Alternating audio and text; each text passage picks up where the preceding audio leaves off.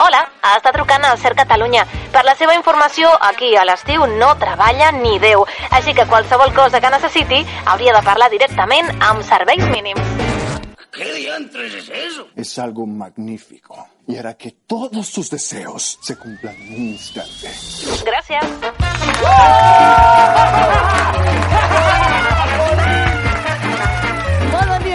A tots des dels estudis de Ser Catalunya. Benvinguts als Serveis Mínims, al programa de ràdio que fa vídeos. Quina veu que tinc, eh? M'està costant bastant, això.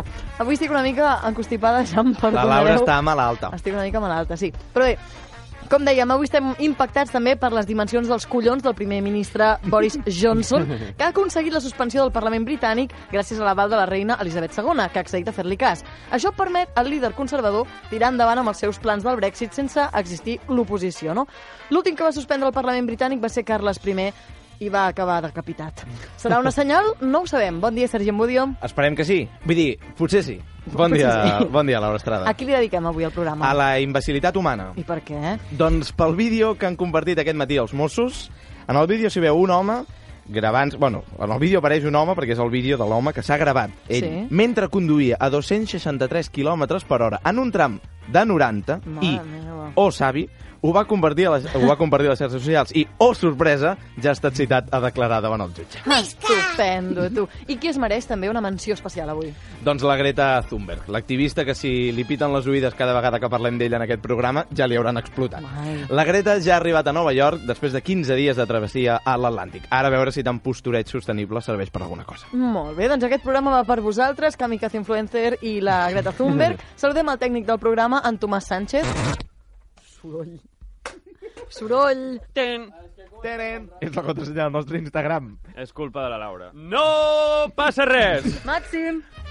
Però què és això? Així es graven les promos del programa final de Serveis. Perquè estàvem fent soroll, eh? Que és la brometa Sí. Màxim Castillo, és el presentador de soroll, eh? Uh, Pau Roger, bon dia. Bon dia. Nur Palazón, bon dia. Bon dia. Des de la producció del programa, Nil Marvà. Bon dia. Anem amb la dada que segur que us canviarà la birra. Oh, La dada del dia. Hola, salutacions, companys. Hola. Hola. Coneixeu a Roald Dahl? Sí, és el meu veí del tercer. Sí, és novel·lista, va ser novel·lista, poeta, guionista, i va escriure grans obres mítiques, per exemple, Matilda o Charlie, Oh. la fàbrica de xocolata, que tots coneixeu. Sí.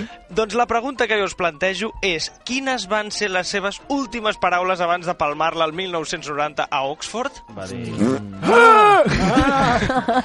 Voleu que us les digui? no, sí, sí. Sí, Va. sisplau. Ell tenia tota la seva família per allà, val? al voltant de la camilla, on suposo que estava morint. Ell els va dir que no patissin, que els trobaria a faltar, però que no tenia por de morir. Ah, Això bueno. sí, els estava dient aquestes boniques paraules mentre va arribar una infermera i de sobte el va punxar, va dir «Oh, joder!» i va morir. Què em Però dius? què li va punxar a la infermera? No ho sé, però això així és com va morir Oh, Roald Dahl. joder, eh? Oh, joder. Oh, joder. Oh, joder. Bueno. És bonic, eh? Sí, sí, és una bona Joder, manera poètic. Per la història, per la història. I tant, moltes gràcies, Nil. Un plaer. Avui dijous també ens acompanyarà l'Albert Delgado, que avui ens transporta a Roma i ens parlarà del deficitari transport públic de la capital italiana. A Serveis Mínims veieu que també fem informació internacional. Tant. A més, també comptarem amb Víctor Rodrigo, que avui arriba amb una proposta sobre el flamenco trap i parlarà de Rosalía i de la Fuente, entre altres. I a partir de la una saludarem a Manu Guix per parlar de La tienda de los horrores. Estamos preparando la comedia musical más electrizante. ¡Ah! ¡Ah! La tienda de los horrores, que llegará al Teatro Coliseum a partir del mes de septiembre. ¡Compra ya tus entradas! Él es la planta. Manu Guix i Àngel Llàtzer tornen als teatres en dues setmanes a mitjans de setembre després de l'immens èxit de la eh, Jaula de les Loques amb un musical que la crítica deixa pels núvols, aquest La tienda de, de los horrors. En parlarem amb ell i també amb José Corbacho, que és un dels actors d'un repartiment que la veritat és que és molt potent. Doncs tot això i molt més, ja ho sabeu, i ara que passen per això 12 minuts de les 12, parlem de la pregunta del dia, que ja sabeu que us pot fer guanyar fantàstics premis sense esforçar-vos massa.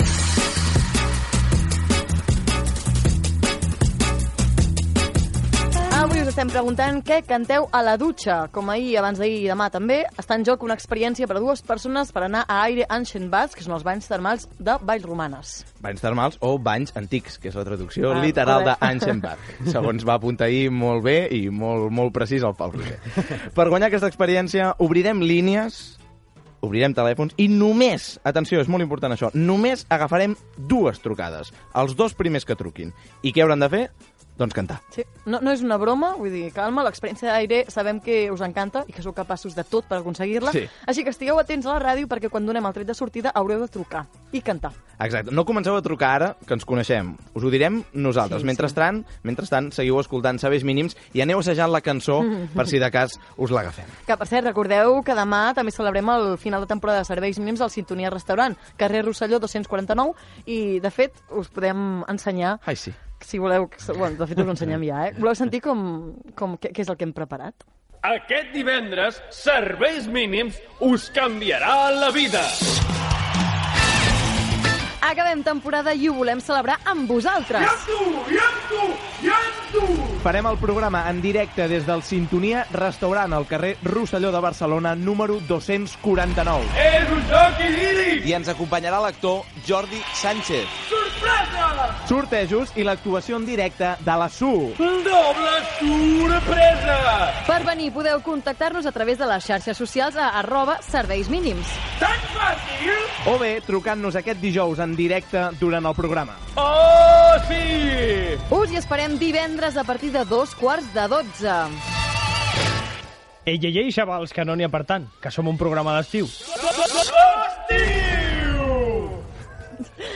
Així sona, sona la nostra promoció d'aquest programa especial de demà. Així que ja ho sabeu, si voleu venir, podeu fer-ho de dues maneres. O trucar ara mateix ja al 933441411 per reservar el seient, o bé contactar-nos a través de les xarxes socials i dir-nos quan sereu i qui sereu. Exacte, és molt fàcil, eh? Si no teniu xarxes, doncs ens truqueu i eh, des d'ara fins a dos quarts de dues quan acabi el programa i el Nil Marvà molt amablement us atendrà. 93344 14 11. I si teniu xarxes socials, insisteixo, envieu-nos un missatge. Facebook, Twitter, Instagram, arroba serveis mínims. Dit això, ara toca descobrir quin cos ha posseït el dimoni.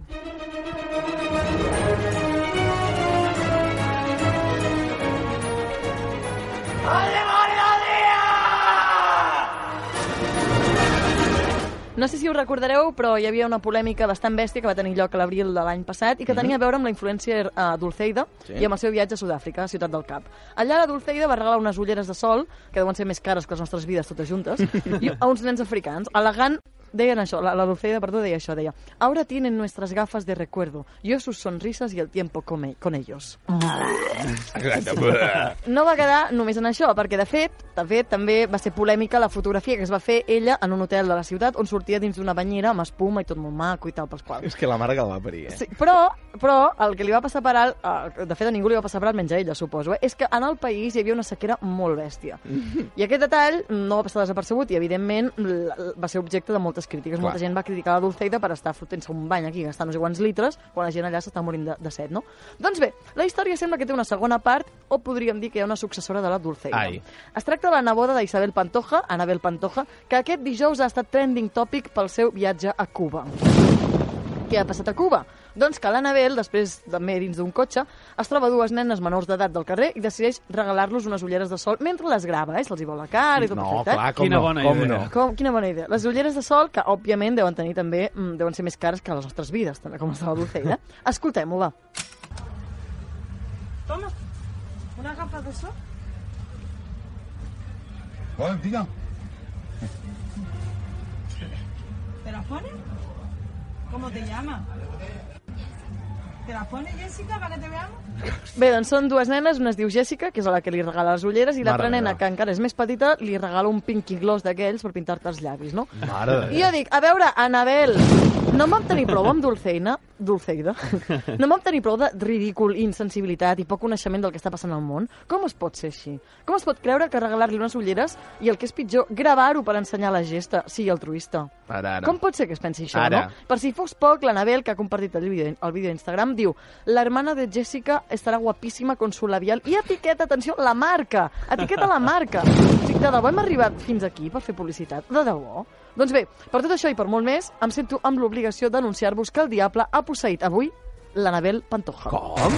Com, com? O sigui, un moment, un moment. Què Has decidit que avui tindria sentit la secció Sí. per primera vegada? Sí, perquè en aquest cas no es pot fer cachondeo, jo crec. Vale. És a dir, en casos com el d'avui s'han de condemnar actituds com la de l'Anabel o la Dulceida, que no poden aprofitar-se ni de menors d'edat ni de països que pateixen des de sequeres a pobresa i el que sigui, que ni tampoc es pot fer publicitat amb això del canvi de, a canvi de fama i repercussió. Ahir, de fet, ho parlàvem amb la Caula, podeu recuperar l'entrevista que li van fer també a través del podcast, que hi ha marques que s'aprofiten i fan campanya i publicitat amb persones com la Dulceida i l'Anabel Pantoja a costa de desigualtat, no? Per tot això, Anabel, tens el puto dimoni dins. I fins aquí, escolti'm. L'Anabel i potser tu, eh? Ai. He patit en aquesta part final de, de, del dimoni perquè se t'ha anat ennassant la veu, eh? Sí, sí, por- porto patint des que he començat. Però segueixes viva, tot bé, Sí, no? sí. Bueno, com es nota que ja s'acaba, deixa'm-ho dir també, que ja s'acaba serveis mínims i toca quedar bé amb tothom, eh? I marxar tots en Mm. pau i estar tots feliços. Però bueno, tot i que la història sembla que no tingui un costat bo, perquè ho sembla, jo sempre en trobo un. L'àngel del L'Àngel encostipat avui també. Eh, L'Àngel d'avui és compartit, a part Ah. d'encostipat. És compartit perquè és doble. Molt Els dos bé. àngels d'avui ho són perquè han estat beneïts. Han rebut un poder sobrenatural que gairebé cap ésser humà té. Paciència. Ah. Vale? Entrem a l'església a ritme d'arpa i música celestial. Ja estem dins l'església. De cop, eh? L'àngel del dia és... Són... Les nenes cubanes. No totes. Ah. Les dues que apareixen en el vídeo de la bloguera lamentable Anabel Pantoja. Haver tingut la santa paciència d'haver aguantat les tonteries d'aquesta insuportable sense rebentar-li les ulleres o el pintallavis a la cara és digne d'admirar. És digne, de fet, de l'àngel del dia. Aquestes dues nenes es mereixen tot el nostre respecte i admiració. Han demostrat, sota pressió, tenir més paciència que els votants independentistes. Per tant,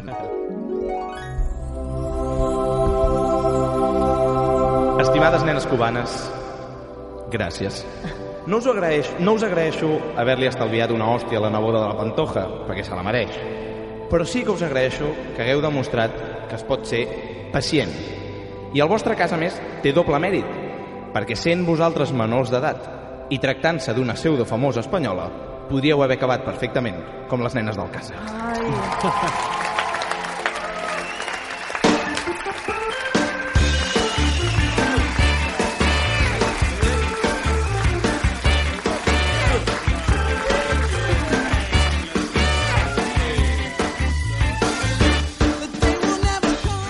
I ara que ja s'acaba la setmana, el Pau i el Nur, que són un publicista i un guionista, decideixen Mm. fer de periodistes tots dos i posar aquell segell, aquell aval a les notícies de la setmana que ells considerin que han valgut la pena o no. Exacte, doncs deixa'm dir-te, Sergi, que a partir de dijous que ve, ja, que ja no hi haurà serveis mínims, comença Sí? una etapa de foscor en el món del periodisme.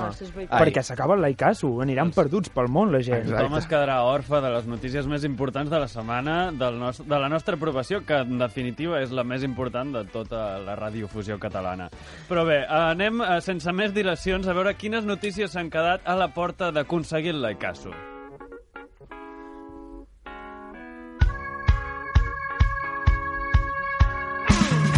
El podria tenir el doble borratxo d'en Donald Trump, o el que és el mateix, el doble britànic d'en Donald Trump. uh, Boris Johnson, com hem comentat a l'inici, ha tancat el Parlament britànic fent impossible l'oposició del Brexit. Sergi, ens ho expliques una mica, sisplau? Sí, Hòstia. Sisplau.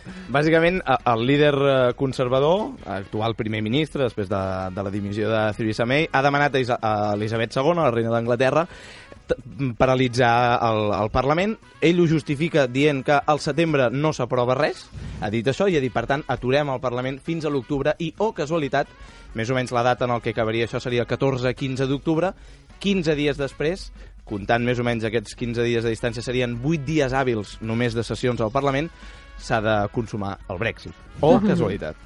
Que jo dic, després de totes les mogudes amb Donald Trump al G7, Boris Johnson devia dir, aguanta'm la birra que jo això ho supero.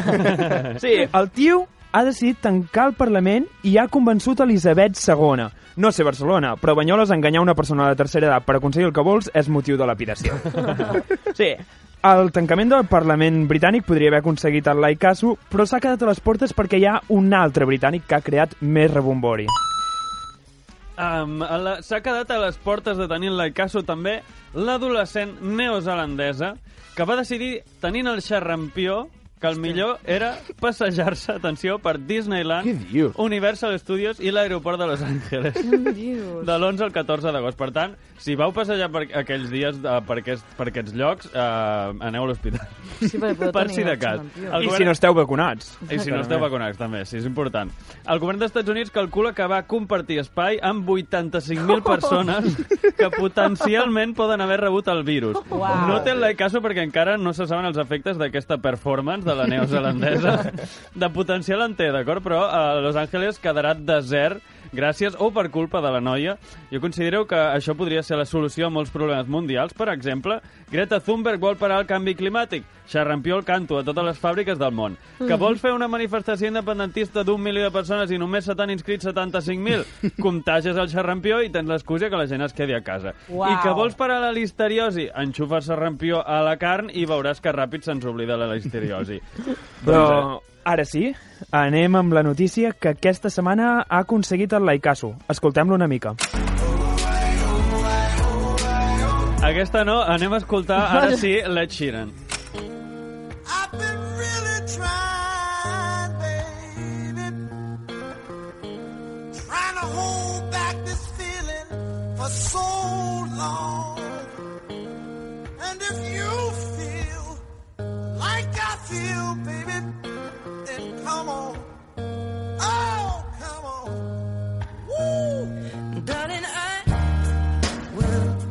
L'home de la mirada perduda, el Fernando Trueba anglès. Ed Sheeran es retira del món de la música enmig de molta polèmica. Ai, ai, ai. Ed Sheeran, si no ho sabeu, porta molts mesos amb acusacions de plagi. I què fa? Es retira del món de la música. Sí. És una mica com el que va fer Kevin Spacey quan el van acusar d'assetjament. Per distreure el tema va decidir sortir de l'armari, així de cop. Ed Sheeran, per tant, entra a l'armari per amagar-se. L'Ed Sheeran ha fet exactament el mateix, però dient que necessita descansar. I, si us sembla, anem a veure les coses bones que portarà aquesta notícia.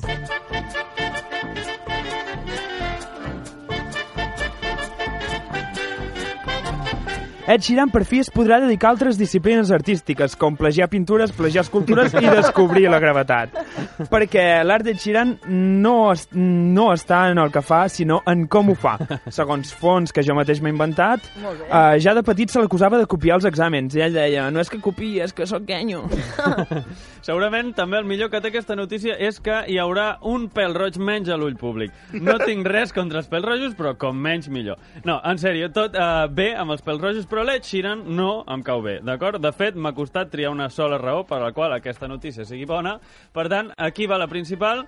Deixarem de veure stories de la gent cantant Ed Sheeran. Que fa Bueno. grimilla sentir la gent cantar. No, no us passa a vosaltres quan Sí. esteu Sí. mirant stories i de cop surt una, gent, una persona cantant? Fa vergonya aliena sempre. Pareu de fer-ho, que per molt bé que canteu, fa pena sempre, sempre posant la cara aquesta de passió que no es creu ningú. Gràcies, Ed Sheeran, per agafar-te per agafar un temps. Pareu de cantar a Instagram ja!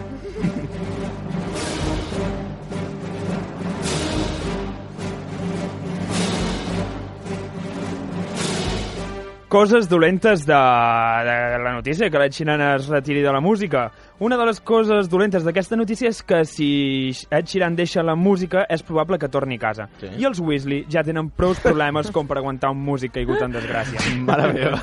Com he dit, em cau molt malament Ed Sheeran, per tant m'ha costat trobar un, una sola cosa dolenta, però aquí va. Si no sona Ed Sheeran, sonaran altres coses, com per exemple Rosalia, Molt que no és bé. que em desagradi, però cansa més que el procés ja. I també eh, sonarà més música urbana, per exemple, com el trap, que són gent que no es mereix ni un minut en antena, i també té pinta que coincidirà amb el retorn de Charango. Per aquesta gent tindrà més minuts per culpa del britànic i això no li perdonaré mai a Ed Sheeran. Si algú cansa en el món és Charango, Ed Sheeran ja et val.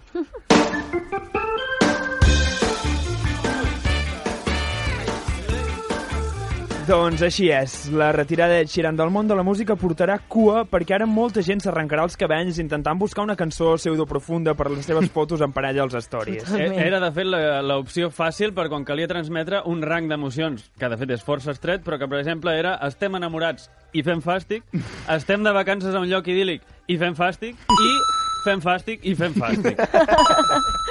Moltes gràcies, nois, per, aquesta, per aquest laicasso, l'últim, de fet, a serveis mínims. El que tinc dubtes és si Víctor Rodrigo parlarà d'Ed Sheeran avui. Víctor, què tal? Hola. Hola. que imprevist. Víctor, l'home del bar musical, màgic, mm, temporal i tots aquells adjectius que cada setmana que passa li poses un. Exacte. Sí. Tinc un nou nom. Quin és? Avui de- No, el, el direm. Espera, espera, va, sí, va, posem-nos posem en to.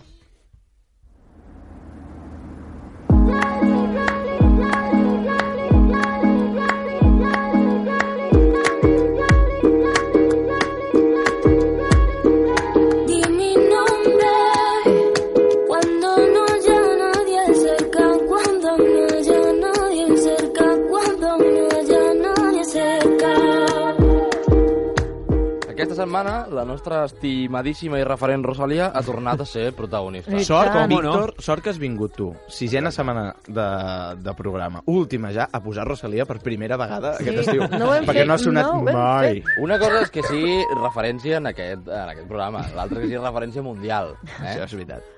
Perquè segurament hauríem de començar a comptar quines setmanes no és referència, però la cantant ha rebut dos premis MTV i es converteix en la primera catalana i espanyola en fer-ho. Mhm. Fins aquí, tot correcte, no? Prou bé. Sí. Tot bé, tots informats. Ho celebrem. M'agrada.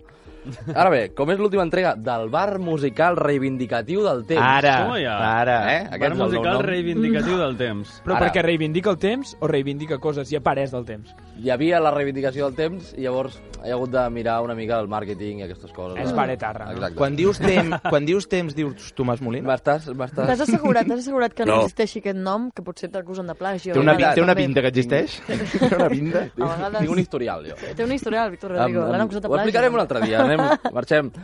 Doncs en aquest bar musical reivindicatiu, reivindicatiu del temps venim a lluitar contra els carques musicals. Ara. Eh?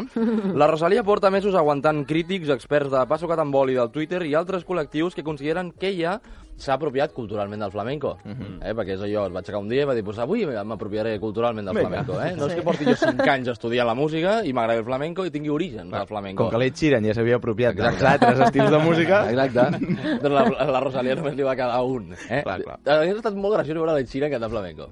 Hòstia, no. Tot, tot pot arribar, tot pot arribar. Com aquesta premissa és absurda, vinc a reivindicar la modernitat del flamenco i a relatar que té moltíssimes varietats al gènere, és a dir, el flamenco. Però sobretot la injustícia que només la Rosalia sigui blanc de totes aquestes crítiques i no pas altres cantants amb impacte mediàtic anterior a ella o la Zetangana. Ella es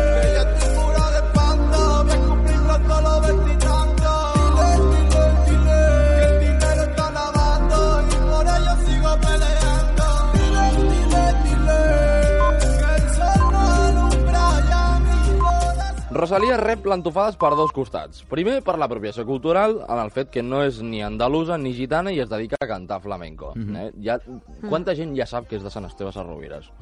És un, jo crec que tothom. Ja no té ni gràcia. Si que més sigui- no, els mitjans catalans Exacte. aprofiten qualsevol excusa per recordar que és de Sant Esteve Sarrovira. Sí, però ell a la gala va dir que era de Barcelona, eh? Recordem-ho. Sí, És Perquè, clar, ja que la eh? gent tampoc sap Són situar. d'Hospitalet i diuen, no, sí, Barcelona. Sí, imagina't allà, a, a, a New. York o a New Jersey, que va ser. Clar. Yes, because I'm from Sant Esteve Bueno, Sarrovira. Penélope Cruz, quan va guanyar Goya, crec que era, va dir I was born in a place called Alcobendas. Sí. Jo només vull dir això, Exacte. però hi ha gent que sí que... T'estimem, I Pe. Almodóvar va donar gràcies a l'Òscar a la Virgen de la Guadalupe. Imagina't. T'ho diem, Rosalia. Bueno, va, va. El seu origen és un grat fet a tenir en compte de la Rosalia perquè tots aquells rapers que no formin part del bronx ni siguin afroamericans doncs haurien d'anar plegant veles, eh? Ni parlar llavors de Zetangana amb el seu bolero de Veneno perquè com tots sabem el cantant és de Madrid i Madrid és la capital de Cuba. Sí, eh? sí, sí, Així sí. milers d'exemples.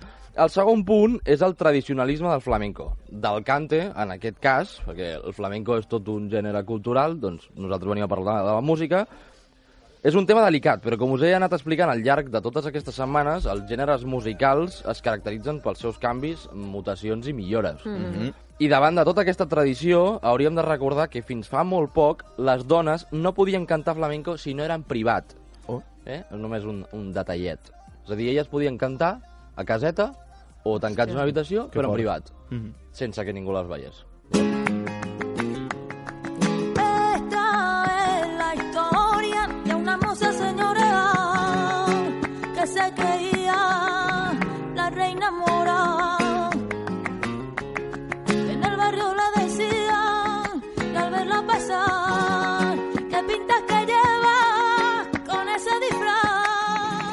El flamenco té fins a 61 palos. És a dir, subgèneres, varietats i divisions pròpies. 61. 61.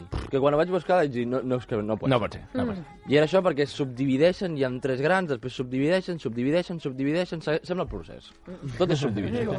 El procés o la, o la família reial. O els Weasley, també. Totes aquestes han anat mutant al llarg dels anys. Així doncs, per què és un problema que Rosalia o qui sigui ho modernitzi o ho arribi a versionar amb moviments musicals actuals com la música urbana o el trap? Una pregunta retòrica, perquè no hi ha cap problema. El flamenco és una expressió artística que neix de la barreja de moltes cultures en si mateixa. L'àrab, la jueva, la dels gitanos, que van arribar a Espanya al segle XV i molts es van quedar a Andalusia perquè molts es pensen que el flamenco és gitano. No, no, té encara més arrels anteriors.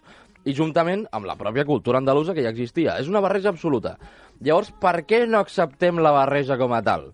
És una pregunta a l'aire que si cap persona em sap respondre, estaré encantat d'escoltar-la des del bar musical i no l'escoltaré.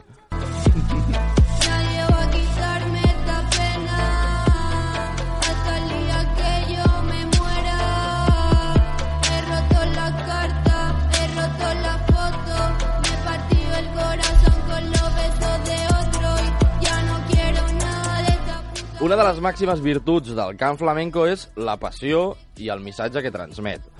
Aquesta característica l'estan transmetent els nous cantants del gènere, com la que estem escoltant, que és l'Albani, que té només 23 anys, i així està. Que la cançó diu puta, no?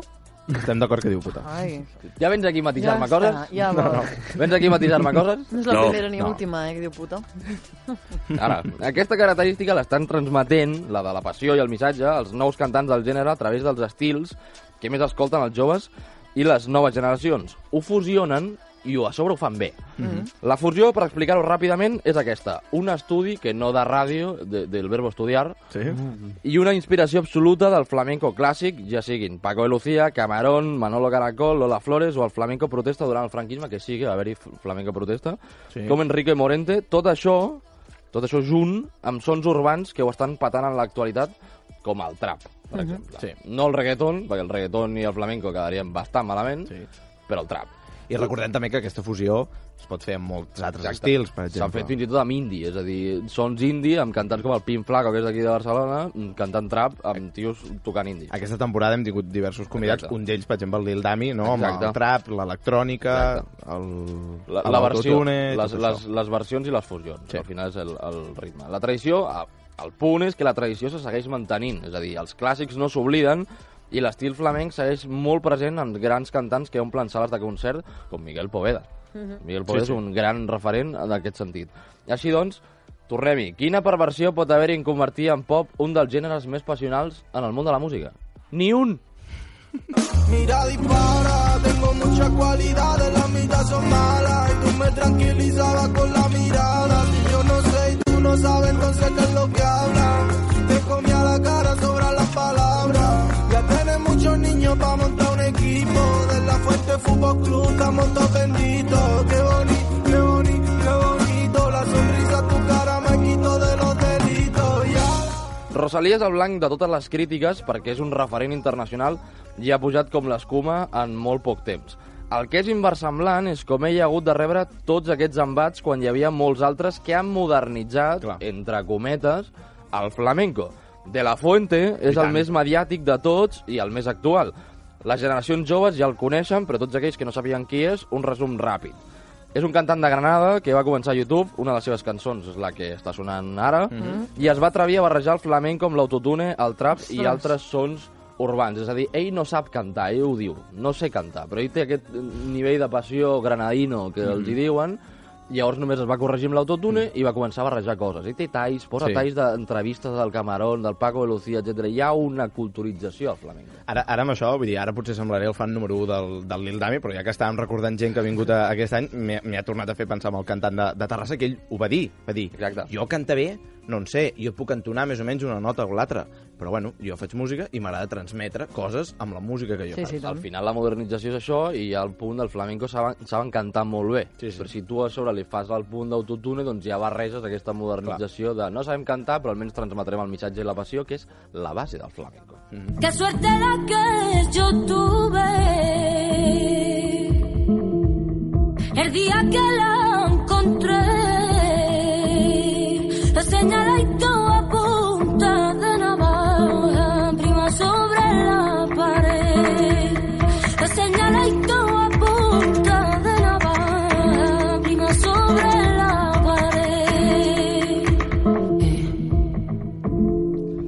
Segons el diccionari de la RAE, el cante hondo és el més genuí cant andalús i de profund sentiment. Hondo és una pronunciació dialectal de la paraula hondo, és a dir, profund. Ah. Sembla que estigui portant aquí el bar de l'enciclopèdia, també. Bueno, bé, Posa-li, posa l'enciclopèdia allà al mig del nom, també. I... Vale, vale. És aquest sentiment el que més transmet Rosalia, per molt que hagi aconseguit la fama a través de cançons més pop o fins i tot atrevint-se a fer estil reggaeton amb J Balvin. Quin pecat hi ha aquí? Cap ni un. Rosalia, fes el que vulguis. Pots fer el que vulguis. També el transmet de La Fuente o altres cantants moderns i joves, com l'Albani, el Maca, que és un dels grans companys de De La Fuente, o la mateixa Sílvia Pérez Cruz, que una de les cançons que hem escoltat, la de la Reina Mora, forma part de la banda sonora de la pel·lícula Blancanieves, que és aquella pel·lícula en blanc i negre, muda, i les cançons la va fer sencera Sílvia Pérez Cruz. Què té de flamenca Sílvia Pérez Cruz? Res. Però no Que ningú t'enfadis. Víctor, tio. És que m'enfado, avui vinc amb la reivindicació. En, de, en definitiva, la Rosalia és només víctima de la gelosia de molta gent mediocre. Ara, ara. I nosaltres no ens sumarem a això, al revés. Ara, Reivindicarem el nou flamenco i la nova fornada de cantants joves que el promouen. I també l'autotune, I per tu, què no? I tu ets flamenco? Ja m'agradaria. Ja m'agradaria. Perquè la música sempre està en constant canvi i algú com Rosalia només es mereix la nostra profunda admiració. Sí. Que solemne que ha quedat tot plegat, no? Molt bé. Vale. Bravo. Escolti, de Home, conya. ja que és l'última, doncs vinga a tancar-ho. Bueno, Víctor, uh, gràcies per acabar d'aquesta manera, reivindicant, que sempre està bé. Uh, que vagi molt bé. Tu fas vacances ara? Sí. Fas vacances? No, i a més que la temporada passada em van, em van multar la Urbana, la màquina del temps, Sí. Reivindicant així tan bèstia i tan de mala llet, segurament me la tancaran. Molt bé. Així que no sé què faré l'estiu. Bueno, doncs molts ànims amb, No ploris, no amb, molts ploris, ànims no amb la vida. Víctor. Gràcies. Nosaltres a la seguim fent, seguirem fent serveis mínims després de eh, una pausa molt breu per la publicitat. ¿Quitarías un 30% de tu cocina? Donde haces tus legendarias lentejas. Si hay que quitar un 30% a algo, mejor que sea tu seguro de hogar. Cámbiate ya a línea directa y te bajamos el precio de tu seguro hasta un 30%. Te lo garantizamos. 902-123-011. Consulta condiciones en lineadirecta.com. Arranca de cero con la financiación al 0% de MediaMark. Empieza con energías renovadas llevándotelo todo al 0% y hasta en 20 meses a partir de 299 euros. Hasta el 8 de septiembre. Y además disfruta de todos los beneficios de la tarjeta gratuita MediaMark Club Card. Dinitae 0% financiación de CaixaBank Payments and Consumer. En el 80 aniversario del mayor conflicto bélico, El País presenta una obra editorial única. Historia de la Segunda Guerra Mundial a través de sus billetes y sellos. Domingo 1, primer fascículo, dos billetes y dos láminas de sellos por solo un euro con El País. En los centros de oportunidades y outlet del corte inglés llega el Superjueves. Un jueves súper atractivo porque encontrarás un 20% de descuento adicional al precio ya rebajado en toda la tienda. Toda. Corre, el Superjueves te espera para hacer tus mejores compras. En los centros de oportunidades y outlet del corte inglés ya llega el Superjueves. Aprovechalo. Esteu escoltant Serveis Mínims Ellos me hablan, me dicen que aguante. amb Laura Estrada Agresiones, acoso, falso testimonio. Una loca, vamos. i Sergi Ambudio. Pues nada, el claro ejemplo de eterno secundario. A Ser Catalunya.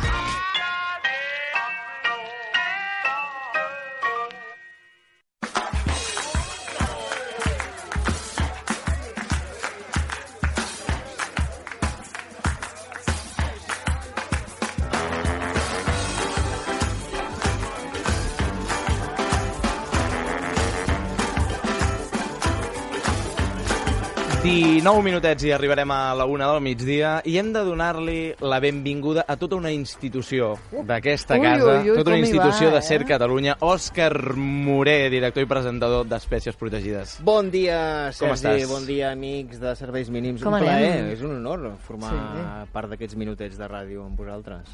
Que que també, eh? nostre. Jo vull que que ara el Willy, eh, que és el nostre tècnic, Sí. que sigui com el Tomàs, no? Que Sí. quan estigui fotent la sintonia, abro! No. Que això no ho sent No, la això no ho audiència, sentit, però, sí. però fot uns crits al Tomàs. Sí, sí, no, no, però bé, bé, bé, posa les piles, tu. Desperta.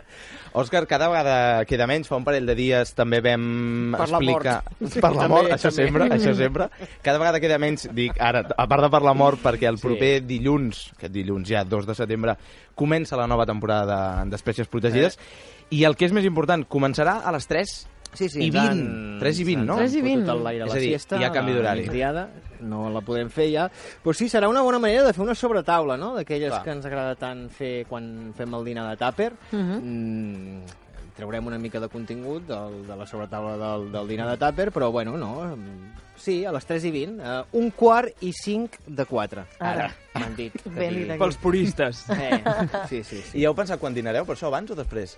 Clar, aquesta és la cosa. Perquè és aquella hora Aquesta és la difícil, cosa. eh? Jo crec que jo he decidit a la una eh, menjar alguna Sí. però lleuger, eh? que no em vingui la nyonya, i després del programa fer el ressupor, o el ri, ri, rinador, o no sé com, Com? es diu, no sé, el ressupor. El preberenar. Home! Preberenar. Sí, sí. O Ri rinador, rinador segur que no existeix, però endavant amb aquesta paraula. Ha mort amb rinador. Se'm ha penjat el rinador, sí. Sabem, Òscar, que tindreu nous col·laboradors. A xarxes, de fet, avui hem, hem conegut el David Vidal, però Sí. ens porteu alguna que altra sorpresa, no? Aquest el David Vidal l'ha Sí. fet de guionista a tot arreu, eh? Sí, el, ho he el vist. Chester, el joc de cartes, Mhm. uh lo Happy Day, sí, sí. De fet, es presenta com que ha estat a totes les televisions, Sí, pràcticament. sí, tot, sí. tot arreu ha estat. És, ell ens parlarà de televisió i, bueno, i en tindrem quatre més de col·laboradors. Cada dia un col·laborador diferent. Molt bé. Sí, sí. I, I què voleu que us digui ara? Ah. Aviam, ara, podri... per exemple... Sí. Sí, si ara aquest matí hem desvetllat a Twitter Sí. que el David Vidal farà a la tele, Sí? Voleu que ara desvetllem a un altre Ara? col·laborador? Sí. En, en, Sí. en, en exclusiva, en Va. primícia? Fem-ho. Sisplau. Sí? Fem-ho. Vinga, va. Hauria de Ah, tenir una- una a partir del 2 de setembre, a Espècies Protegides torna a obrir les portes del Parc Natural del Carrer Casp. No te digo otra vez. I només podem avançar-vos que la família creix.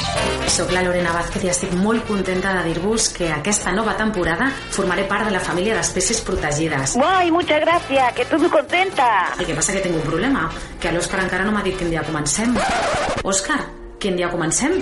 Bé, crec que ja hauríeu de saber que comencem el dilluns 2 a les 3 i 20 de la tarda. Una altra vegada programet aquest de la tonteria al parc. Recordeu, ens escoltem el dilluns 2 a les 3 i 20 de la tarda a Ser Catalunya. Ja no podem fer ni a migdiada. Sou uns botiflers. Calli i escolti, ànsies. Espècies protegides. Amb Òscar Moré. La Lorena Vázquez. Lorena Vázquez és eh, periodista del cor, fins ara ha estat amb l'Arús, portava 8 anys amb l'Arús, Mhm. eh, aquest any ja no, eh, perquè vol fer altres coses, i també va estar 14 anys a Europa Press eh, fent internacional. Carai. Eh, d- D'acord, eh? És a dir, es coneix a la família reial, eh, no sé, ha anat, a, per exemple, a l'enterro del Rainiero de, de, de Mhm. Mònaco, ha entrevistat el Brad Pitt, a l'Angelina Jolie. Ostres. Bueno, eh, ens pot explicar una d'anècdota sobre el món del cor que flipareu, Sí. els I- que ens escolteu I a partir de dilluns. Òscar, què en sabem del Rigobert, el Niñato i companyia? És que, en principi, aquests eh, no continuen. Oh, Ah, què, Què dius? dius? Segueix ara? en Jordi Manau, eh, però no sé jo si... Però bueno, ja sabeu que això és una mica una sorpresa, no?, el programa aquest. Igual Mhm. diem que ara no, el I de sobte en tenim una sorpresa, el Rigobert té ganes de sortir. I, escolta... Escolta una cosa, botifler. Ja Botifler, què vol dir que que no vindrà personatges? Jo què sóc? A mi vas dir que vindria, jo. Vostè és un personatge? Jo sóc un Sí, personatge. un person, sí, Soc sí, el sí. personatge més important de Catalunya, Josep Dumeró de Tavertet. Bueno, vostè, I vostè... vostè va dir que vindria Però cada que- dia amb vostè i mira que deixaré de veure TV3 o veuré com si fos ahir per venir amb tot el programa. Però ja vostè m'estic sentint que no vindré, què vol dir això? Vostè és un oient, no és un col·laborador ni... ni Això és la ràdio, és molt personatge. pròxima. De l'oient al col·laborador ja és sol Sí, un no pas sé, i no jo ja l'he fet. Botifler, Bueno, eh, sap què? No em vull emprenyar abans I de què, començar el col·laborarà programa. el Santi Vila, oi? El teu amic, el Santi Vila, sí que col·laborarà, eh? El Santi Vila. Eh, Domeno, ho, Què? el deixo amb, amb, amb, to, amb tots aquests. Però veiem Eh? dilluns, oi que sí, oi? No ho sé, no Escolta, ho sé, si li agafarem el quan telèfon. dius de menjar lleuger, què vols dir, menjar lleuger? Què farem, una escalivada? Una esqueixada de què farem? Què és una menjada lleuger? Depèn del dia, eh? depèn del dia, no ho sé. Molt bé. No ho. Escolta, a veure que estic amb els serveis Vitsus, que m'agraden Vitsus, molt, eh? M'agraden- mínims. Mínims, molt, mínims. molt, molt. I tenien un humorista, un humorista que es diu no sé què Palazón, No. que, escolta, podria venir a fer majors de Tavertet, perquè ho fa molt bé. Ah, Ho sí. fa molt bé. Ja parlarem. Hi ha pregó de l'Antoni Bassas i després ja és tu, vale, Nur Palazón. Escol, escolti'm, vostè crec que és la primera persona de tot Catalunya que li diu una cosa bona al Nur. Sí. I serà l'última, eh, crec, també. Emocionant. perquè Tenim un humor molt particular allà, ens agrada lo dolent. Però molt bé. M'han dit, Nur, que també tens bona cuixa. També et pas tirat de pubilla. M'agrada. Eh, Si vols un dia quedem i ens A les mi no mirem. parlis de tu, que no coneixes de res. De. És que el jovent d'avui en dia... Sí! Què passa. Caborer, botifler? Home, tranquil, eh? Bueno, ens veiem el dilluns o no? No ens veurem el dilluns. eh, Bueno, jo vindré, i si mi- vols, m'aculls, i si no ja traio per la No, força. veure si vol, ens truca. Escolta. I el passarem en directe o no? Això és ser Catalunya, no? Jo pago els impostos a on? A Catalunya. Pues jo vindré quan em doni la gana. Això és la meva ràdio, d'acord? És que no és pública aquesta ràdio, eh, senyor Domenó? Pues vés a preparar el programa, que em sembla que no tens res preparat, eh? Qui sí que vindrà dilluns segur és l'Òscar Moré. No, sóc jo, Això eh? sí. No és Infudio, no et passis del llest, Calli eh? vostè, calli vostè, calli vostè. Que ara ta mare, tu també ets un botifler perquè treballes a la... Eh! Perdó, perdó, és que Pengem-li el, m'escalfo. pengem el telèfon a aquest bon home. El senyor Domenó, un plaer per això, eh? Òscar Moré, també amb Jordi Manau, amb el Willy, companyia, Sí, espècies sí, sí, sí. protegides, el Sí, dilluns. eh! I en Nil Marvà. I el Nil I el Nil Marvà. Marvà, Aquest sí que és un Eh? botifler. Aquest sí que és un botifler. Moltes gràcies, Òscar, doncs. Escolta, felicitats per la temporada que heu fet i Moltes gràcies. res, Merci, que aquí us estimem molt, eh? Gràcies, Òscar. Gràcies. Gràcies a vosaltres, sou molt macos tots, eh? No havíem Molt bé. pensat. Nur, t'esperem, eh? Ho faràs molt bé. Ens veiem, ens veiem. Adiós, adiós. Vinga, que vagi bé, gràcies. Que será, será.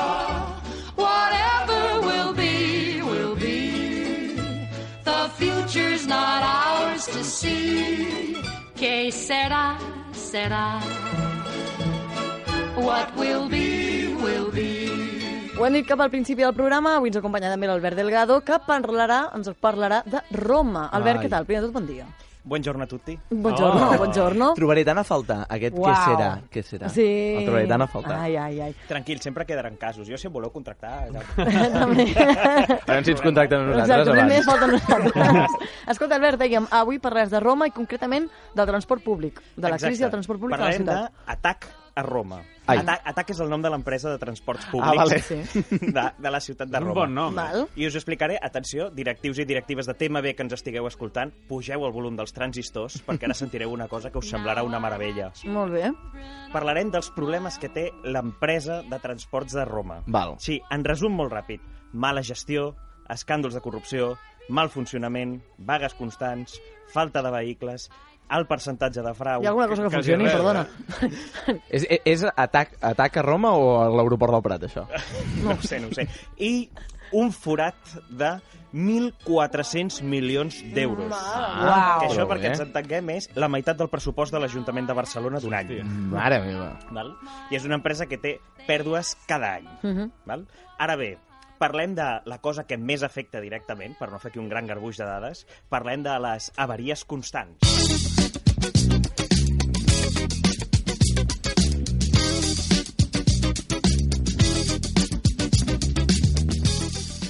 Doncs us posaré algunes dades simplement per entendre una mica la magnitud de la tragèdia. Mhm. Primer de tot, a la ciutat de Roma hi ha 2.000 autobusos per servir el transport públic de tota la ciutat, menys les zones de la perifèria que la gestiona una empresa privada. Mhm. Llavors, d'aquests 2.000 autobusos, només surten uns 1.300, perquè els altres normalment estan avariats. Ah, molt pràctic. Això són 700 autobusos Sí, sí, avariats, sí, eh? sí. Ha arribat, bastant, eh? clar, a Roma el problema que hi ha és que hi havia un forat tan gran que fins i tot els proveïdors no volien donar les peces de recanvi perquè sabien que no els hi pagarien. Hòstia. I també hi ha una estadística que és meravellosa, que aquesta l'he trobat a Il Sole 24 Ore, que és un diari de sectors industrials italians, sí? que han fet un, una estadística sobre els autobusos que s'han anat incendiant cada any a Roma. Mare meva. Ah, mi, és veritat, me'n recordo un que va ser bastant recent, això que hi havia les fotos de que no va morir ningú, per sort. Bueno, recents n'hi ha molts. Sí, bueno, sí, Any exacte. 2017, 22 autobusos incendiats. Què dius? Any 2018, 20 autobusos incendiats. Però, però sols o algú els incendia o s'espatllen i... Eh... Es peten, peten S'espatllen, sols. s'espatllen. L'últim és d'aquest any, no fa gaire, de fet. El, les dades que recullen, fins al 22 de juny del 2019 ja se n'han incendiat 10. Pues d'aquest és la que em sonava. Bueno, va una mica a complir la mitjana. Sí, és Sí, heavy, sí, eh? sí, sí. Mare sí està, està, està la cosa fotuda. Però no només a l'autobús, sinó també al metro. Ui. Al metro, a inicis del 2019, a Roma, hi havia tres estacions tancades per motius de seguretat sobretot relacionat per problemes amb la seguretat de les escales mecàniques. Hòstia. I, de fet, això hi va haver-hi un cas que va ser l'any passat, a l'estació de metro de República, que està al centre de la ciutat. Després d'un partit de futbol. Sí, de ja la me'n Champions. recordo. Era uh, abans, que hi havia un grup de- d'aficionats del CSK de Moscou Sí. i aleshores es veuen els vídeos com un forat de l'escala mecànica va cedir, els veus tots caient com si fos un por, tobogan aquell vídeo, Fa molta sí, i va haver 24 persones ferides. És impactant aquell vídeo, sí, sí. Quina por. A més a més, van dir a l'inici que era no, és que estaven saltant a sobre l'escala. Després mires els vídeos i no estan saltant. Ningú saltava. I el millor de tot és que el juny del 2019 van aconseguir reobrir l'estació però eh, l'escala mecànica no funcionava. Quin desastre, per sí, favor. això, això es veu que és bastant habitual, que els ascensors no funcionin, etc etc. Ja. Vull dir que és una mica caòtic. Vale. Ara bé, hi ha una cosa del transport públic de Roma que és Mm. bastant fascinant, que es va arribar a proposar un referèndum per decidir si es privatitzava el transport públic de la ciutat.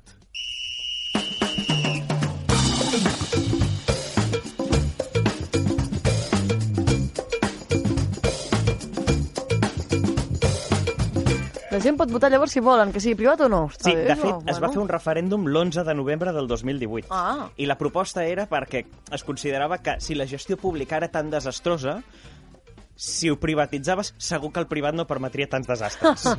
Aquest era l'argument que va proposar el Partit Radical. Perquè canviar la gent que hi ha darrere de la gestió pública, no, no? Bueno, O això deixar de- de ser de- són, de són corrompre. matisos sense importància. Meva. Aleshores, es votava la, la possible liberalització del transport urbà Sí. per tal que l'empresa pública deixés de tenir el monopoli. Mhm. Llavors, a favor de la liberalització hi havia el Partit Radical i després hi havia partits que històricament han governat la ciutat de Roma, com Forza Italia, el Mm. partit del Berlusconi, Sí. o el Partito Democràtico, que és el partit que ara ha pactat amb el Movimento 5 Stelle el nou govern Saps molt d'italià? El parlo una mica. Molt bé. Recordem el, recordem el, el, el, el nou govern, un altre cop renovat la confiança a Giuseppe Conte, tot per fer-li un cop definitiu a Matteo Salvini. Sí, però la política italiana és molt imprevisible. Exacte, eh? Això dir ja... que anèssima crisi política. I tal. Sí, sí, sí. És, és el país amb més primers ministres des de l'any 1945, per Sí, alguna sí. cosa serà.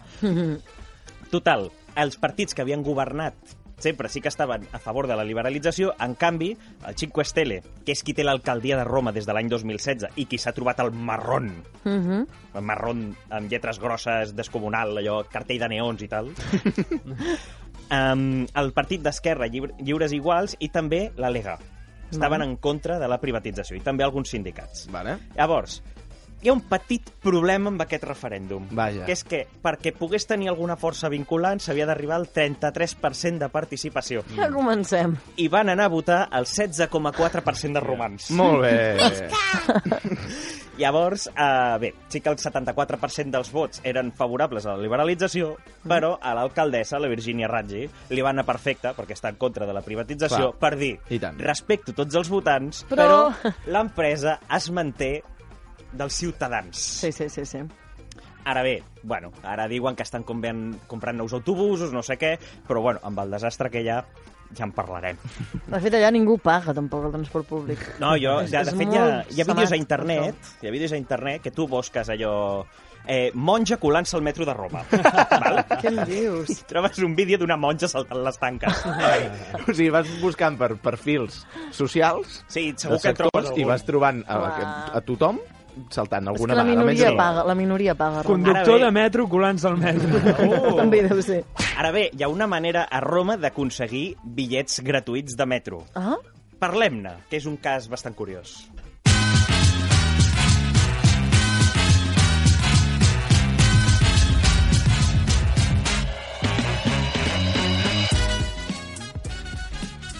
Tot es basa en les ampolles de plàstic. Ah? Ah, bueno. Com, com Val. va això, exactament? Com es lliga una ampolla de plàstic amb el Ah, han transport? decidit fer una prova pilot Mm. en tres estacions de metro on han instal·lat unes màquines que recullen ampolles de plàstic. Vale. Llavors se't va acumulant crèdit. A la que has Ah. reciclat 30 ampolles, et donen un bitllet senzill. Hosti, això Ah. molt, eh? Uau. Senzill? Sí, clar. Uh-huh. Un euro cinquanta. És a dir, portar 30 ampolles et cost- eh, t'estalvies Bueno, un està euro bé. cinquanta. Bueno, està bé, està bé. Està Bueno, bé. aquí la SER, Ui, si ara han comencem. d'anar si han Ara d'anar reciclant totes les ampolles d'aigua que tenim, Sí. vull dir, tindríem bitllets gratis de tots pel mes. És veritat. Ningú hauria de pagar aquí, des de la plantilla. tota l'estona.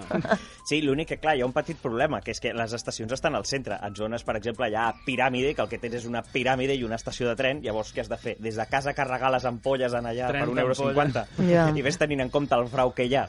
Home, és, és peculiar. No, sí. sí. Però això s'ha posat en marxa, ja has dit? Sí, sí, sí, estan fent la prova pilot. Val, val. Eh, tot i que, bueno, a veure si funcionen les màquines, veient com va el És que metro de en Roma. compte, clar, és que tenint en compte tot això, o sigui, el, tot el que es precedeix, penses, bueno, mm, no sé jo si sortirà bé, però bé. Escolta, no direm que no i està bé la iniciativa. Aquí, de fet, també hi ha algunes iniciatives de tipus això de recollir borilles de, de cigarros i aquestes també te'ls canvien per cervesa, aigua, això als platges. El Castelldefels ho feien, si Sí, més no. sí, sí. Són aquestes iniciatives sostenibles que penses, bueno, doncs encara, no? Bé, Home, però la cervesa potser té més al·licient, no? això no entrarem aquí, no ens toca a nosaltres valorar-ho, això. Albert Delgado, moltes gràcies per acompanyar-nos. Ah, avui per últim dijous. Esperem que, que gaudeixis molt. No sé què faràs ara, comences a treballar, suposo, no? No, no, ja no hi ha vacances. jo, jo no he tingut vacances gairebé. Ah, bueno, ja ets uns quants aquí. exacte, escolta. exacte, això t'anava a dir. No Ara, al setembre, quan marxi tothom. No, bueno, També. quan marxi jo. També, també. doncs que vagi molt bé, Albert. Nosaltres seguim d'aquí uns minuts després del butlletí informatiu de la una, ja ho sabeu. Estigueu al loro, al loro, perquè obrirem línies uh, passades la una i pocs minuts. Regals i Manu Guix, a partir de la una. Ep, ja està tot dit. No marxeu, no marxeu, tornem d'aquí uns minuts. Fins ara. Fins ara!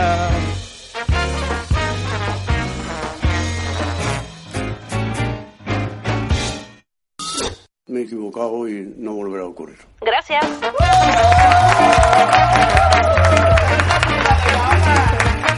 Hola a tothom, comencem l'última mitja hora de serveis mínims d'avui i us acompanyem en directe des del carrer Casp número 6 de Barcelona. Som Sergi Ambudio, Nur Palazón, Pau Roger, Nil Marvà, Tomàs Sánchez, a l'altra banda del vidre, i qui us parla, Laura Estrada. Saludarem a Manu Guix, escoltarem el punt d'actualitat de la Clara Molins, però abans de tot això, regalets, Tomàs, regalets, regalets.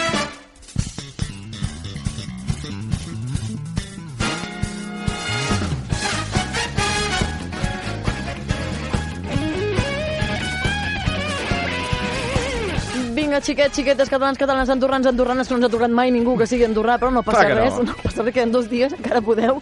Ara és el moment en què podeu guanyar una experiència doble per anar a Aire Ancient Baths, als banys termals de Vallromanes. Ah, exactament. Com us hem dit al començar el programa, obrim línies, les obrim ja, ja estan obertes, de fet, i les dues primeres persones que truquin hauran de cantar, ja que avui us estem preguntant què canteu a la dutxa. Teniu coses per apuntar, aneu cap al telèfon i marqueu 93344 14 11. 93344 14 11. Els dos primers que truquin entren en aquest duel, en aquest duel que hauran de cantar i millor canti, segons el nostre criteri, Sí, serà- humil criteri, Segons serà...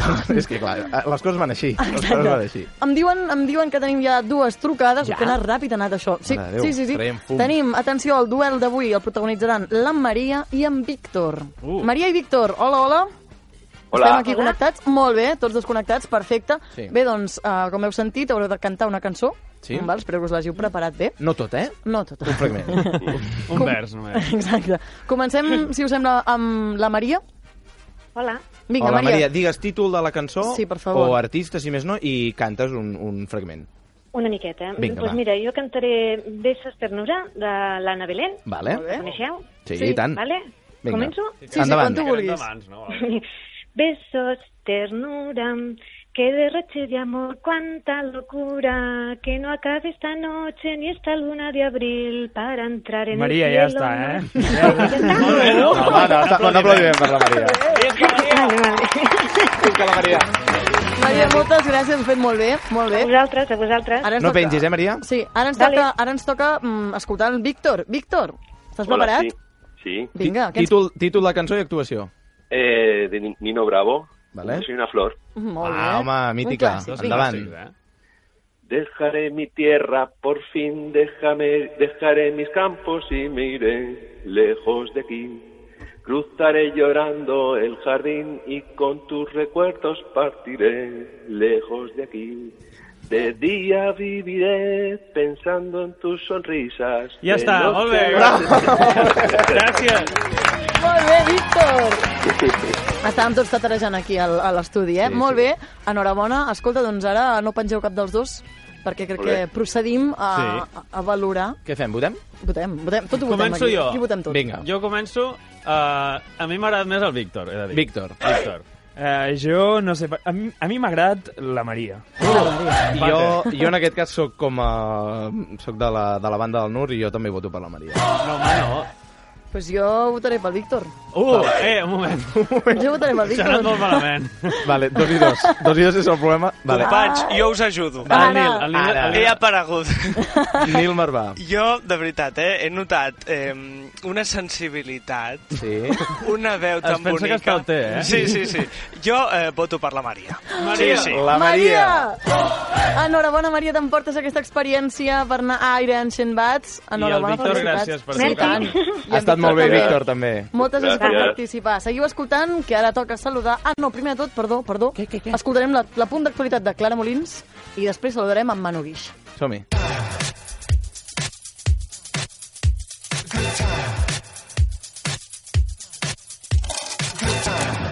Després de tot l'estiu marcant l'agenda informativa del país, us comunico que ha arribat el moment de dir adeu, d'acomiadar-me de les càpsules pseudosatíriques dels dijous, de les esquilles de la torretxa hipsters, d'aquest infoshow penjim-penjam que m'han deixat fer els amics dels serveis mínims. Estic francament contenta perquè des d'aquesta tribuna, sempre crítica, sempre alegre, he pogut persuadir ments brillants, brillantíssimes.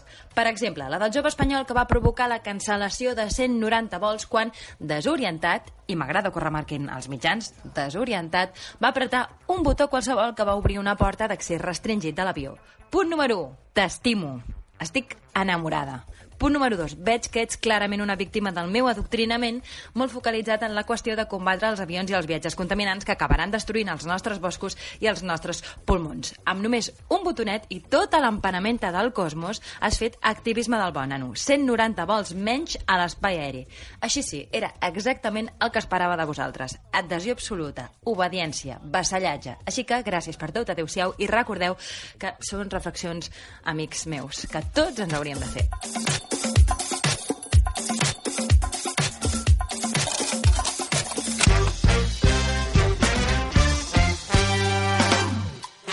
Esteu escoltant Serveis mínims. Fes bondat, eh? Ara hem d'escoltar el que ens explicarà. Amb Laura Estrada i Sergi Ambudio. Estic tan content que m'esclatarà el cor. A Ser Catalunya. Where the folks are broke, you go downtown. Life's a joke, you go downtown. When you buy your token, you go home to Skid Row. Home to Skid Row. Amb Skid Row Downtown d'Alan Menken i amb un fortíssim aplaudiment rebem a serveis mínims Manu Guix. Què tal, què tal?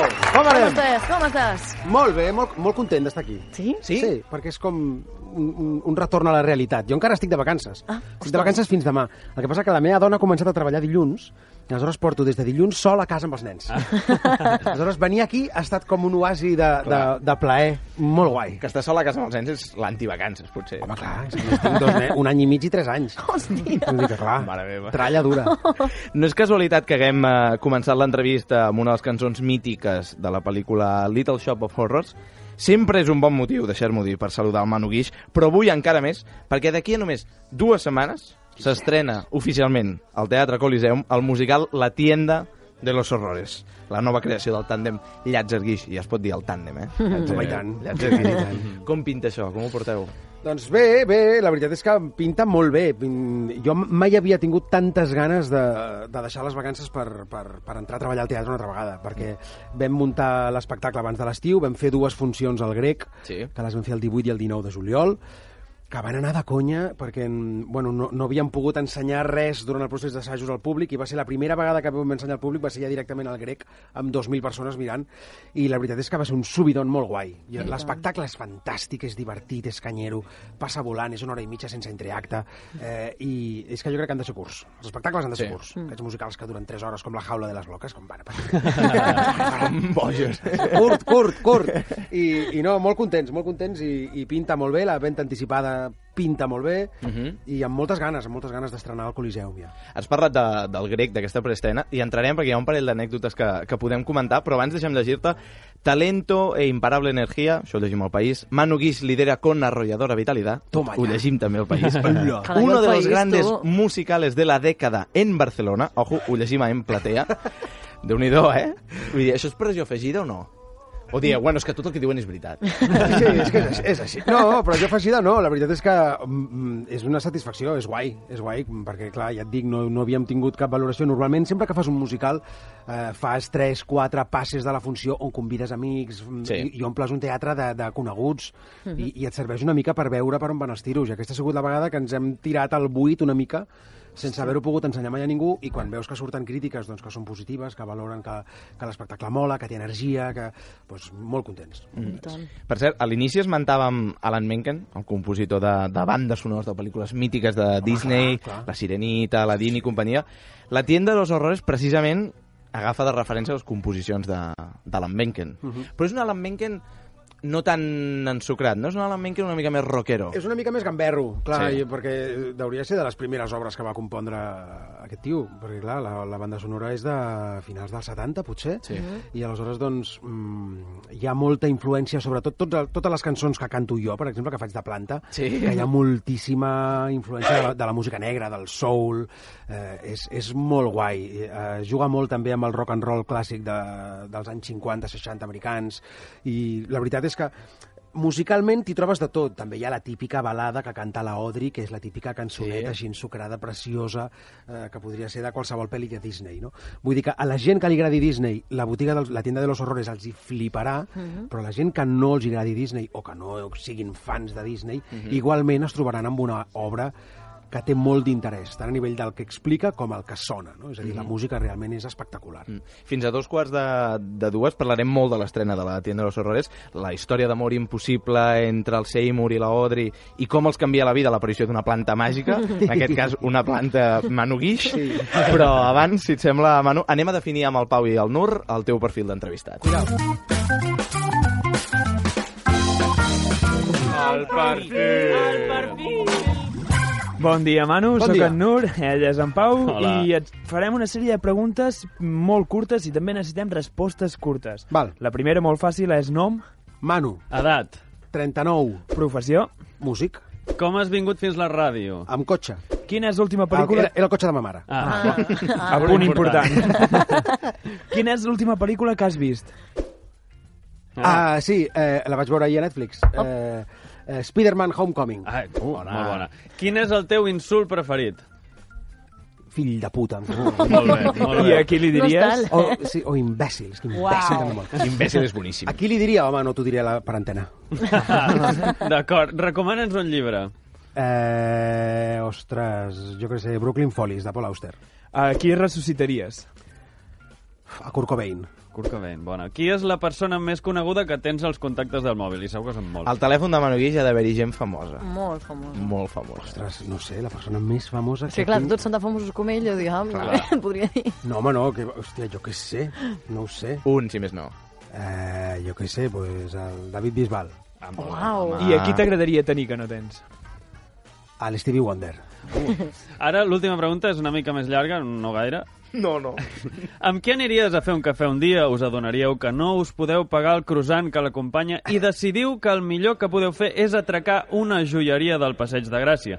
Estaríeu tres mesos planejant el cop, compraríeu un parell de pistoles i una moto sense matrícula i quan tot estés preparat faríeu l'atracament, a tu et pillarien, el teu acompanyant fugiria del país quedant-se amb tots els diners i s'oblidaria de tu. Amb qui t'agradaria viure aquesta experiència? Però quina mena de pregunta és aquesta? És una merda de pregunta, com totes les que fem. Clar, jo què sé, tio. ¿Qué me estás contando? Pues... David Bisbal, per exemple. El David Bisbal, sí. Pau, Nur, gràcies per aquesta merda de perfil. Seguim. Estamos preparando la comedia musical más electrizante. ¡Ah! ¡Ah! La tienda de los horrores, que llegará al Teatro Coliseum a partir del mes de septiembre. ¡Compra ya tus entradas! Él es la planta.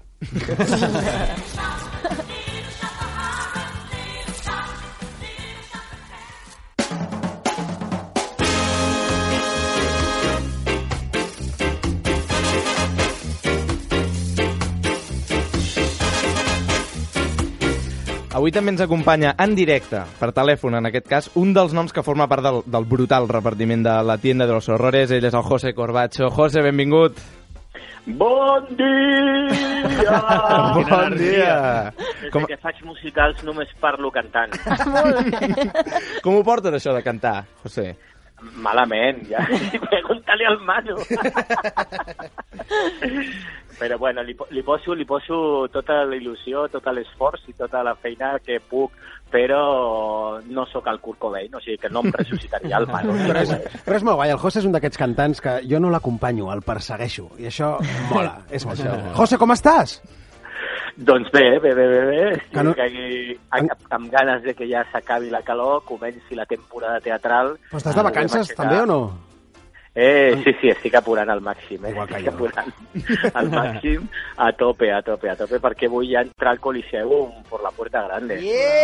Deix deixeu-me dir que, que us queden pocs dies per estrenar. Sí. Vull dir que potser ja és hora d'anar-se posant a la feina una mica. Sí, no. Sí, sí el, que, el que passa és que mm, pensa que venim també d'una estrena, o sigui, és com una Clar. re-reestrena. Vam estar assajant i vam estar fent una feina molt dura i molt heavy. A més, ens va agafar una època de calor important i assajaven en un local que l'Àngel feia la conya que això era com Chernobyl perquè era un local que hi havia a sota una oralita i vam, bé, amb aquelles condicions i tal, vam arribar al grec a més amb, una, amb la tempesta perfecta, mai millor dit, perquè vam haver de suspendre l'assaig general perquè va haver-hi un huracà Ara, sobre ara. Barcelona, després tot va sortir bé, per tant ara al Coliseum també anem una mica, no ens volem confiar, allò que diuen al futbol, Clar. que no ens hem de confiar, però també anem tranquils de que més o menys tot està bastant embastadet. Clar, José, has dit la, la, la tempesta perfecta, aquella temporal de pluges que va caure sobre, sobre Barcelona. Uh, clar, el dia abans de la primera, de la primera funció de, de preestrena va ploure moltíssim i això, mm, això es va escunyar l'equip tècnic. Sí o no? Sí, sí, sí, de fet, l'Àngel va sortir el dia de, de, la, de la primera funció en públic amb el grec per dir que, que veritablement era la, funció, la primera funció en públic, perquè nosaltres volíem haver fet algun assaig més amb gent i tal, i no es va poder fer, no es va poder fer perquè, perquè no es va poder assajar per les condicions meteorològiques, però la llàstima és que la gent de llums, per exemple, no va poder provar les llums fins Ja. al primer dia que vam fer la, fins a l'estrena oficial del grec. Això, amb, si no fos per l'equip que tenen darrere aquesta gent, el Manu i i l'Àngel, que la veritat és que la gent els coneix amb ells perquè són els que donen la cara, però tenen darrere un equip tan brutal de Mhm. gent, amb tant de talent i tan professionals, que amb qualsevol altre haguéssim suspès. Jo estic segur perquè ja porto molts anys fent coses i quan va arribar aquell dia vam pensar, hòstia, quin desastre. Ja. Però, però en canvi, bueno, mm, tot va sortir, tot va sortir bé, va, es va poder canviar el piano que sabia que estava just a sota de l'única gotera que tenia l'escenografia. Què dius? Què va passar amb el piano? El piano, però és que literal, o sigui, jo no havia, no havia vist mai sortir tanta aigua de dins d'un teclat. El, el, van, el van anar a buscar, el van entrar al camerino i el van tombar, i queia aigua, però com una garrafa de 5 litros de font vella, saps allò? Buah, a saco. El van salvar, per això sí, no? Es va salvar, no, no, increïble. El, dia, el matí següent va sortir el sol, van posar tots els aparells, els instruments, tot l'equip de sols, llums... El sol, sí. i aleshores a les 2 del migdia ho van enxufar tot i, fu i, funci Funcionava. i funcionava tot. Quin miracle. Amb arròs, amb arròs, s'ha de posar això també. Podria... Sí, sí. El piano, un arròs. uh, Manu, José, allà on busques la tienda de los horrores, surt el concepte electritzant. Pa- Sí, és electritzant aquí, electritzant allà. A, to- a tot arreu. És així. Tan electritzant és... Home, i tant! Però prendrem mal o no? No, home, no, Ah. no prendreu mal.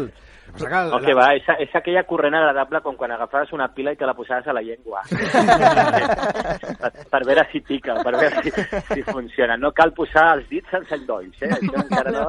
Però una mica aquella picor... Jo, a més, em va agradar molt un concepte que, que, que va dir el Manu, la primera roda de premsa que vam fer de- d'aquest espectacle en una botiga de flors a Barcelona, Mm. i jo recordo que el Manu va dir eh, és que jo no vull fer un musical, jo vull fer un concert de rock.